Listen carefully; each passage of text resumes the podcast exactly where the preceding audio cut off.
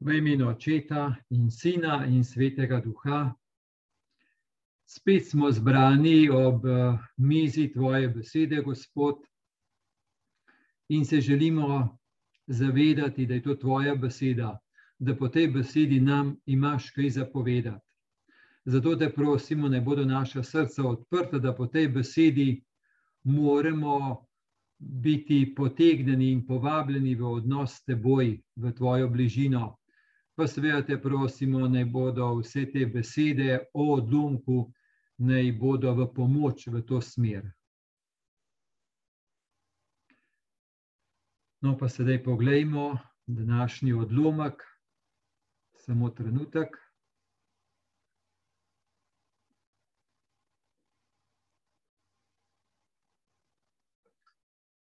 Torej, odlomek od nedelje, ki prihaja, je iz Markovega evangelija, 12. poglavje, 38 do 44.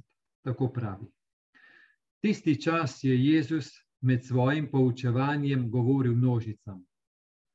Varujte se pismoukov, ki si želijo hoditi okrog v dolgih oblačilih in si želijo pozdravov ljudi na trgih, prvih sedežev v shodnicah in častnih mest na gostijah, ki vdovam požirajo hiše in hinavsko opravljajo dolge molitve, ti bodo strože sojeni. Sedel je nasproti zakladnici in gledal, kako množica meče denar vanjo. Mnogo bogatih je veliko vrglo. Prišla je tudi neka uboga vdova in je vrgla dva novčiča, to je en kvadrant. Tedaj je poklical k sebi svoje učence in jim rekel: Resnično povem vam, ta uboga vdova je vrgla več kot vsi, ki so metali v zakladnico. Vsi so namreč vrgli od svojega preobilja, ta pa je dala od svojega oboštva vse, kar je imela, vse, kar potrebuje za življenje.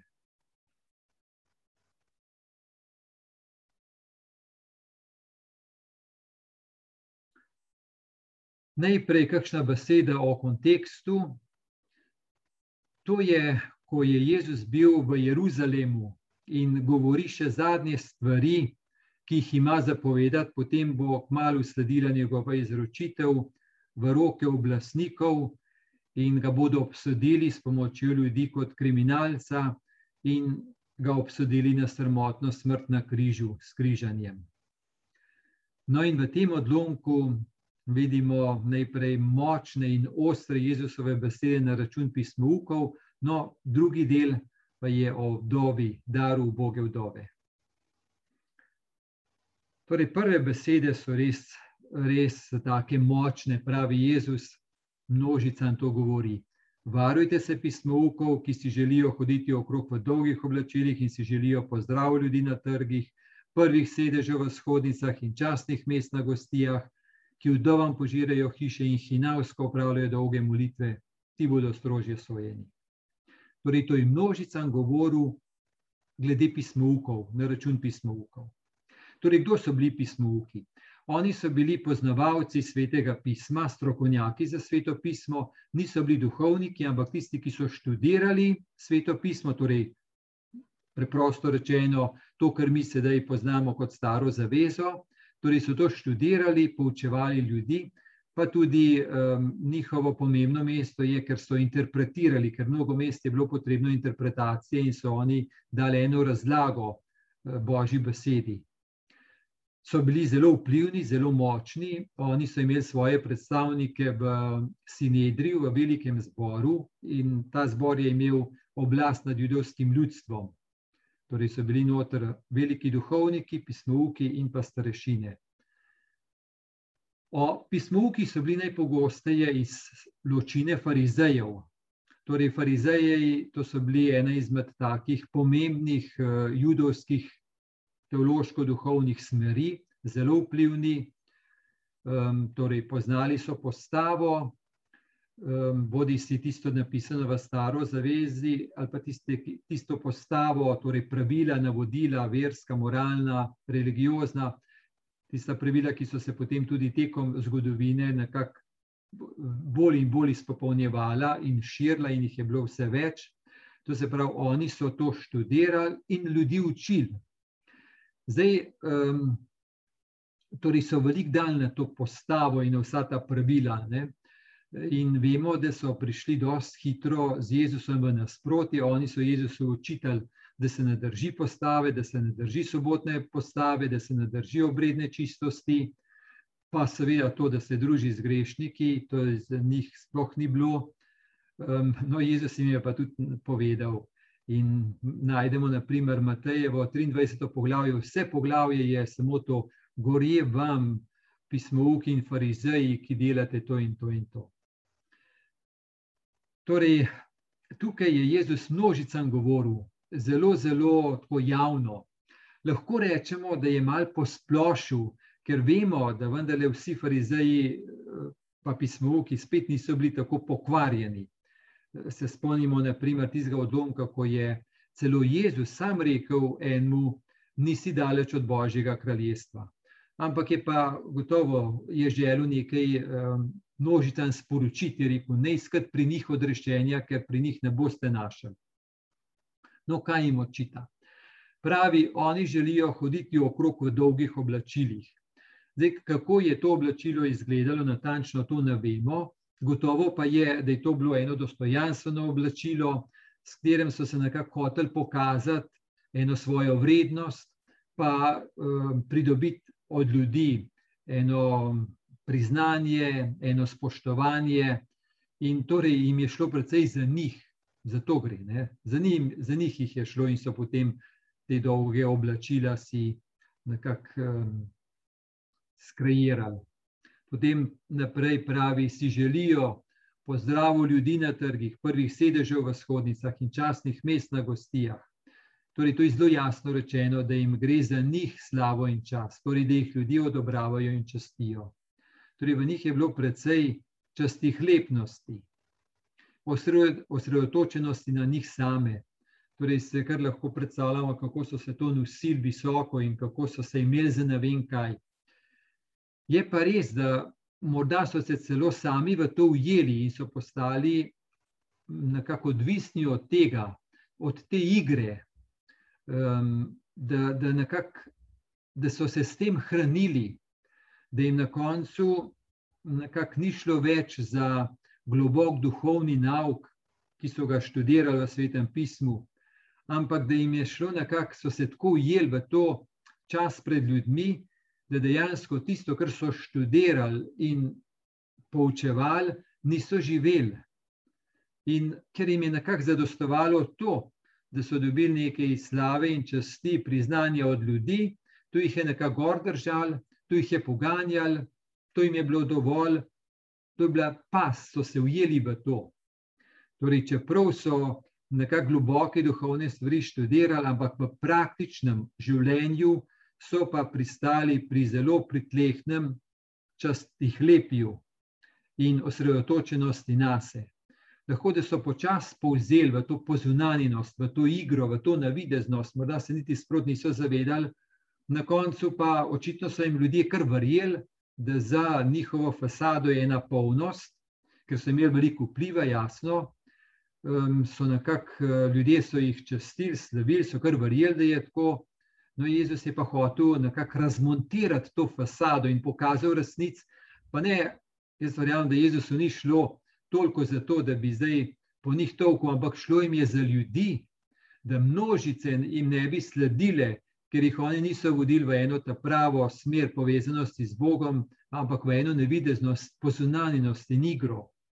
Jezus je gotovo šlo veliko za množic, za, za množic, torej za ljudi, da bi jim pomagal, da bi jim odprl pogled, da bi razmontiral eno eh, malikovanje, enega malika, en, en, um, nekaj, kar se je pač skreiralo v, v tej kulturi. No, potem pravi, da so vdovam požirajo hiše. Zdaj, m, mm, najprej to, no, da vdove so bile ene izmed zelo zapostavljenih družbenih kategorij in zelo prepuščene same sebi, ker v tisti družbi je kulturi je izguba moža pomenila izgubo praktično izgubo vseh pravic in tudi podpore, ki so jo imele v družbi, takrat, ko so bile žene na Boga, vdova pa ne več. E, torej, so bile dejansko zelo boge. Zdaj, danes je, je gotovo drugače, tudi danes mar zdaj rečejo. Um, torej, če žena preživi moža in postane vdova, se nekako lažje znajde potem v življenju, kot pa če moški postane vdovec. Tako je izkušnja mnogih. Torej, tam pa vdova res ni imela nobenega pravega mesta, nobene zaslombe in je postala lahek plen interesov drugih. Tukaj vidimo, očitno gre za njihovo imetje, zdaj čisto točno ne vemo, ampak verjetno je šlo, da pismo, ki so bili torej študirani in vplivni, in so se gotovo tudi spoznali na kakšne pravniške usluge, in so to nudili, in se lahko predstavljam, da so to bodi si drago nudili, bodi si na način, da so nekako one ostale brez imetja, brez hiš. Lahko tudi to, da so mm, nekako pismovki za njo upravljali kakšne molitve, pa so zahtevali za to denar.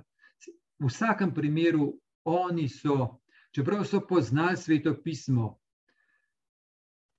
ker sveto pismo v stari zavezi velikrat govori o vdovah, ki so bile poleg sirot in tujcev, ena izmed treh takih najbolj ogroženih družbenih kategorij. In preroki, naprimer, so veliko o tem govorili, o pozornosti na nje, zaradi tega, ker je Bog pozoren na nje, bodite vi pozorni na nje.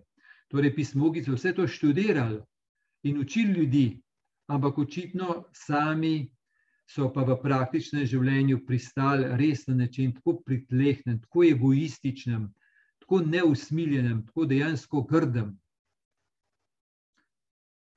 Tako je, ne?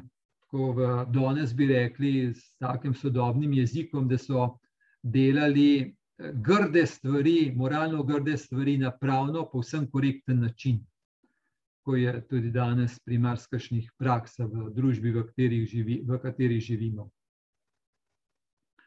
No, spomnimo, da bomo vdovo srečali potem tudi v drugem delu tega odlomka, o Bogu vdovo. Um, torej, lahko si predstavljamo, da je tudi tista vdova, ki je potem prišla v tempelj, ena od teh, ki so nastradale zaradi pismoukov. In torej, če so pismouki, nekako učitelji, bo pa Jezus potem povedal, tista v Boga vdova je prava duhovna učiteljica vere. No, to bomo poznaj videli. No, kaj jim Jezus še reče? Jim reče, da oni hinavsko upravljajo dolge molitve. Hinavsko pomeni v tem kontekstu svetega pisma pomeni, da ne s srcem, ampak na vzven, zaigrano, pozunanjeno. Um, torej izraz sam pomeni, um, je vezan na igrat, na igro, torej ne nekaj, kar je resnično, ampak nekaj, kar je zaigrano. Torej, da so oni na vzven igrali molitev, v srcu pa je ni bilo. Zdaj, zakaj so oni to igrali, današnji človek, če ne veruje v srcu, jaz mislim, hitro vero, ker spoh proč vrže, spoh ne bo niti vide za igrov. Ampak očitno je njim bilo to koristno, da so igrali, da so dajali vide se enih duhovnih oseb, poglobljenih oseb. Um, očitno so imeli od tega toliko profita, da so rekli, no, kar dobra igra je to. Ne? Pravim pa, lahko je bilo to, so se toliko ujeli, nezavedno v to, da so nekako pristali, da so rekli, no, je to dovolj, dovolj, da igramo to, vse srce ni potreben pri vsem tem. Jezus pa vemo, je šel močno v drugo smer in je poudaril primat srca, ne po zunanjih stvari, ne zunanjih stvari, ampak primat srca. Ne da bi zunanjost odpravil, ampak je rekel, za srce gre in da srce pride na plano, da je, kar je bogatstvo v srcu, da to pride na plano. Zato je šlo Jezusu. No, zadnji Jezusov stavek še pravi: Ti bodo strože sojeni. Lahko bi tako prevedli, ti bodo prejeli večjo obsodbo. Um, tukaj se lahko spomnimo nekaj podobnega. Je Jezus enkrat rekel: To najdemo v Luka 12, 47, 48. Pravi: Tisti služabnik, ki spozna voljo svojega gospodarja, ničesar ne pripravi, in ne dela po njegovi volji, bo hudo tepen. Tisti pa, ki je ne spozna in stori kaj takega, kar zasluži udarce, bo malo tepen. Od vsakega, ki mu je bilo veliko dano, se bo veliko zahtevalo. In komu so veliko zaupali, bodo od njega toliko več terjali. Torej reče, pismo ukom je ogromno zaupano in ogromno dano. Im je zaupano sveto pismo v roke in ljudje so jim zaupani v roke, ogromno. Ampak slabo to delajo in bodo prijeli kar močno obsodbo. No, zdaj pa gremo v drugi del tega odlomka, ta znani odlomek o daru uboge vdove. Res tako močen ta odlomek. In um, če gledamo v svetem pismu, je to pred Jezusovim govorom, ko govori eskatološki govor, je to dejansko tam pomen, ta odlomek ima izredno, izredno velik pomen v Evangeliju in v Jezusovem govoru, razodevanju. Sedel je nasproti zakladnici in gledal, kako množica meče denar vanjo. No, tukaj se lahko um, ustavimo ob tem, ko vidimo, kako Jezus, ko je šel v tempelj, ni šel samo moliti, ampak je tudi opazoval ljudi, oziroma je molil tudi takrat, ko je opazoval ljudi. Torej, tudi takrat, ko je opazoval ljudi, je bil v stiku z očetom, nebeškim očetom in je lahko se z njim pogovarjal, uh, kaj opazi na ljudeh. No, in tukaj bo opazil to, torej bo opazil bogatine, pa opazil to Boga vdovo, in potem bo tudi svojim učencem povedal o tem in posredoval eno duhovno modrost. Torej, govorijo o zakladnici, pa da so denar metali vanjo, množice omenja. Torej, v tempelski zakladnici je bilo 12 oziroma 13 nabiralnikov za denar, 12 takih pravih, velikih, pa eden malo manjši. Zakaj to?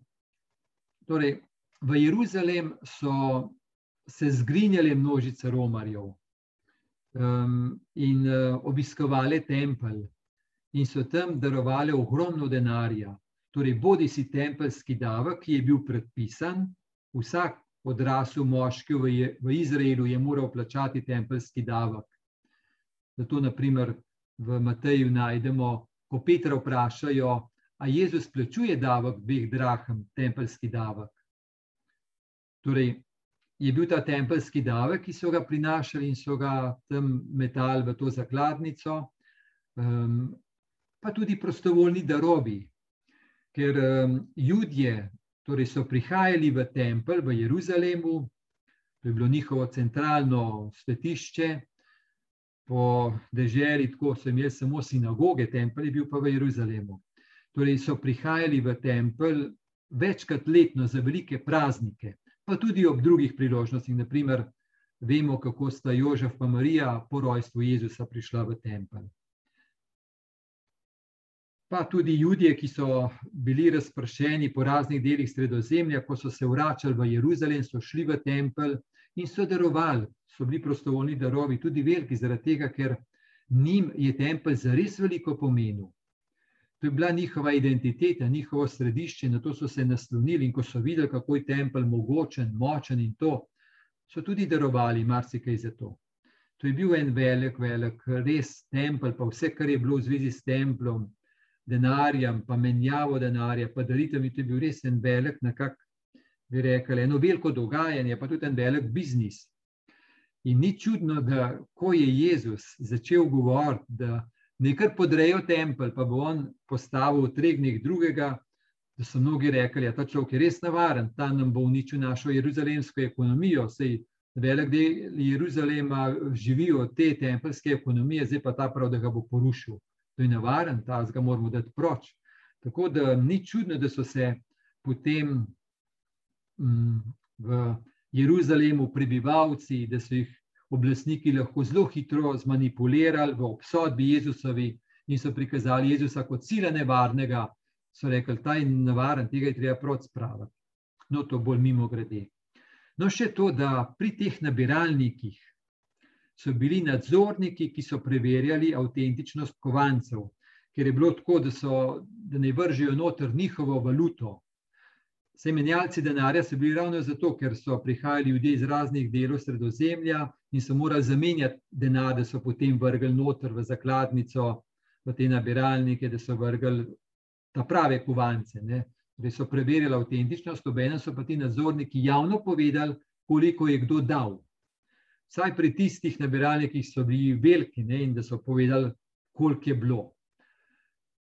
Um, no, ta uboga vdova pa pravi, je pa, je pa malo vrgla, tako pravi besedilo. Mnogo bogatih je veliko vrglo. Prišla je tudi neka uboga vdova in je vrgla dva novčiča, to je en kvadrant. Torej smo rekli, bogatem jih res so veliko dal, zaradi tega, ker je bilo veliko do templa. So, so nekako um, vedeli, kako je to dragoceno. No, ta uboga vdova pa pravi, dva novčiča, en kvadrant, to je res zanemrljivo malo, sploh v primerjavi z darovi tistih bogatašev. No, ampak Jezus očitno je ga je ta vdova nekako tako močno nagovorila, tako močno nagovorila, ko jo je videl, ker Jezus ni videl samo uh, to zunanjo velikost, ampak je začutil njeno srce in njeno držo. Ker to zunanjo količino denarja, to so tisti nadzorniki videli in so povedali, koliko je. Medtem ko pa Jezus je pa imel en čist drug kriterij čisto drug pogled, prav pogled, ki je šel do srca. No, in torej, ko je Jezus to začutil, gotovo je bil v molitveni drži, da je to začutil, je to hotel povedati učencem, porazdeliti z njimi in tudi njim odpreti oči in jim dati njegov kriterij za gledanje, za razločevanje. Torej, jim je hotel pomagati v prepoznavanju globlje dinamike in globlje resničnosti, ki se ne vidi na hitro in navzven. Torej, mi je hotel dejansko pokazati, da ta uboga vdova, ta žena, ona je res učiteljica duhovnega življenja. Ne tisti pismovki, pa bogataši, ta žena pa. In um, nekaj je to, kar jim je hotel pokazati, res to, kaj pomeni človeški pogled, kaj pa božji pogled. Nekaj je zunanji pogled in nekaj je notranji pogled. Nekaj je plitu pogled in nekaj je globinski pogled. Nekaj je parcialni pogled in nekaj je celosten pogled. No, in Jezus pove, da ne gre za zunanji kriterij. Kako močno je to res rekel? Da je poklical k sebi svoje učence in jim rekel: Resnično povem vam, Ta uboga vdova je vrgla več kot tisti, ki so metali v zakladnico. Vsi so namreč vrgli od svojega preobilja, ta pa je dala od svojega oboštva vse, kar je imela, vse, kar potrebuje za življenje. Rezus pove, da ne gre za zunani empirični kriterij, ampak za kriterij srca. Torej, nek dogodek, neka gesta, ni sama v sebi določena, ampak s srcem, ki je to gesto, to dejanje porodilo. Bog gleda zares drugače, kot gledajo ljudje. Njegov kriterij je drugačen kot zgolj človeški. S tem, da Jezus ni rekel, no, ta žena je boljš naredila, zato ker je vrgla manj. Tisti, ki so pa vrgli več, so slabo naredili.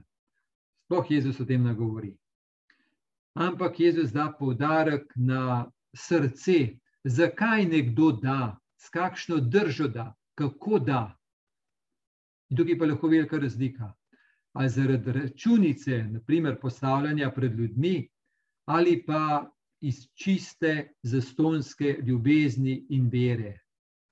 To je velika razlika in tukaj Jezus postav prst in pokaže.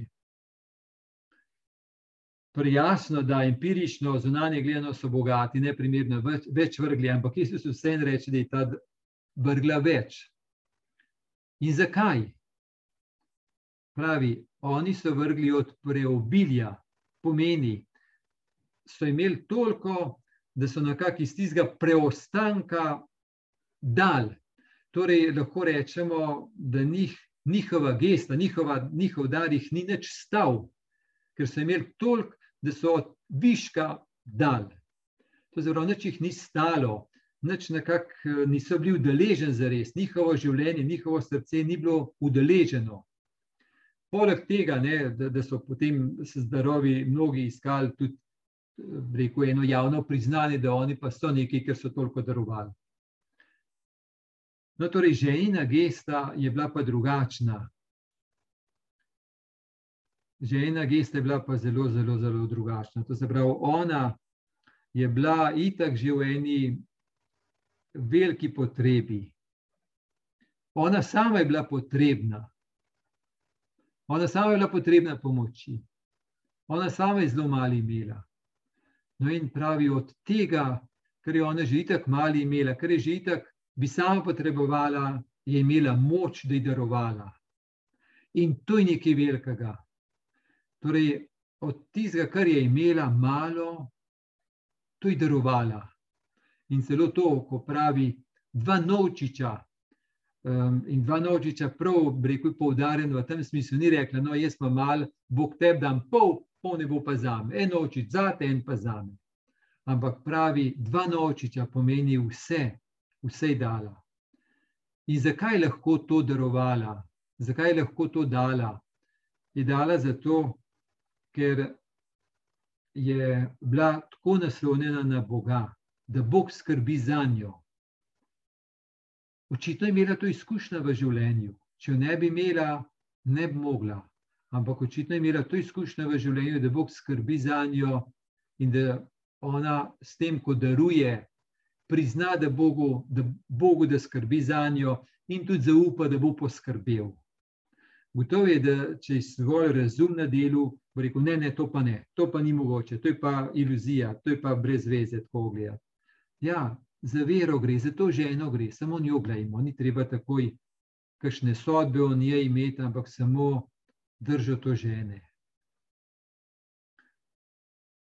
Lahko se spomnimo na tej točki tudi tistega bogatega človeka, eh, ki smo ga enkrat imeli, ko je želel hoditi za Jezusom, ampak ko mu je Jezus rekel: Ja, ti si zdaj ujet v tvoje bogatstvo, da je to v Bogim, potem pa pridi in hodi za menoj.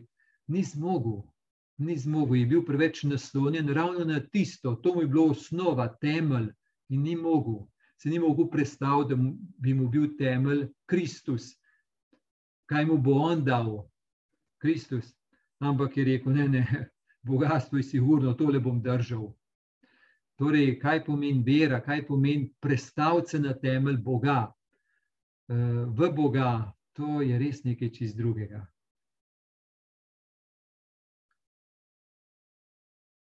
Žena, torej gotovo je darovala tempelsko zakladnico, ampak um, gre za to, no, da za ta vidik vere in ljubezni pomeni, da ta uboga vdova, ki sama potrebovala, ona bi tudi v tem smislu bi gotovo tudi podarila enemu drugemu ubogemu človeku. Dobro, je prinesla v tempelj, prav simbolno, polno Bogu, ampak si pa lahko predstavljamo, da v tej gesti srca, drži srca, bi, bi prav gotovo lahko darovala tudi enemu Bogemu. Ena taka vdova je dobro, da saj na kratko spomnimo, je vdova iz uh, Sarepte, tudi Jezus jo omenja potem, torej to je v prvi knjigi kraljev 17, 10 do 16, to je tista, ki je dala preroku Eliju zadnji svoj kruh. Torej Elija je bil med pomankanjem, prerok Elija, je prejel božji prav ukaz, naj gre v bližino Sidona, torej na pogansko področje. No, in tam je srečal to vdovo, jo je prosil za vodo, pa za kos kruha. Pa je ona rekla: Noč nima, sam sinoma, še nekaj, pa je va itak umrla. Pa je on rekel: Ne, vidva, kar dejta, kar zaupajta. No, in je potem ona res dala in zaključi ta odlomek, da moka ni pošla. Kaj to pomeni, da moka ni pošla? Spet to ni zdaj sam empiričen pogled, ampak pomeni, da je ona, ko je um, se toliko naslonila na besedo preroka, da je ona darovala, in da je izkusila večnostni izvir ljubezni, da je ljubezen res nekaj tako velikega, da gre onkraj zgolj enih empiričnih gledanj pa potreb. Da je to nekaj večnostnega, ki trajno ostane. No, mi se zdaj vrnimo k tej naši vdovi.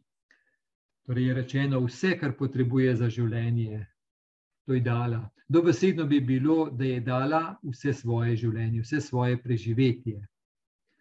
Torej, v potrebi, kot je bila, je ona dala. Torej, Bog je bil edini trdni temelj, da je Bog poskrbel za njo in da bo poskrbel. To je bil njen temelj, zato je lahko darovala. In tako je, da tako je. Um, človek lahko daruje, če ima močen temelj, naslovljenosti na Boga, na Božjo ljubezen. Drugače ne more, ker ga je strah, ker nekaj mora biti naslonjen, iz nečesa mora črpati. In če ne črpa iz ene izvira Božje ljubezni, ja, poj se pač nasloni tisto, kar ima, kar misli, da ima. No, torej ona je ni dala iz odvečnosti, ampak da jo je nekaj stalo, tako stalo, notranje stalo. Torej, in za res vreden dar je tisti, ki nekaj stane, ko čutiš, da daruješ. In sveta mati Terezija je ponavljala, ljubi toliko, da te boli, da čutiš, ker te da iz, iz sredine življenja, iz sredine srca, tisto je nekaj vredno. Torej, ta žena torej je drža človeka, ki svoje življenje utemelji v Bogu, na njegovi besedi, ter mu popolnoma zaupa. Ne samo, da mu zaupa, ampak se mu zaupa, se mu izroči, se ne boji zase, vidi čez. In sem že omenil, ne, da je ta odlomek res na koncu. Um, in v tem smislu je že ena podoba Jezusa, ki se bo do konca daroval, oziroma nebeškega očeta, ki bo daroval svojega sina. Torej, Jezusa, ki se bo povsem daroval in izročil, ki bo ljubil človeka do konca in zaupal očetu do konca. Se ne bo šparal, ampak se povsem daroval, vsega dal.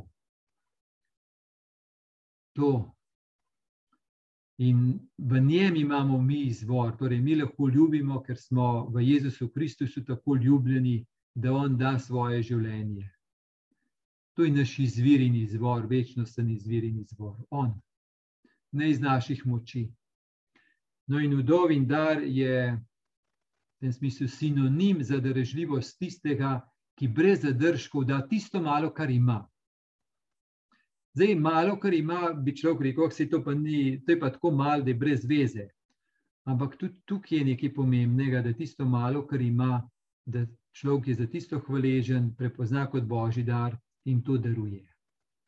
Torej, novi človek, odrešen človek, je naslonjen na Gospoda in lahko hodi pot ljubezni in darovanja, zmore ljubiti, darovati in to je gesta te žene, ta gesta, ki res nam tako močno sveti že 2000 let. Dva novčiča te vdove nam govorita, torej, da na vzven še tako majhno dejanje, narejeno v darovanski ljubezni, je izredno vredno v božjih očeh, torej v večnosti.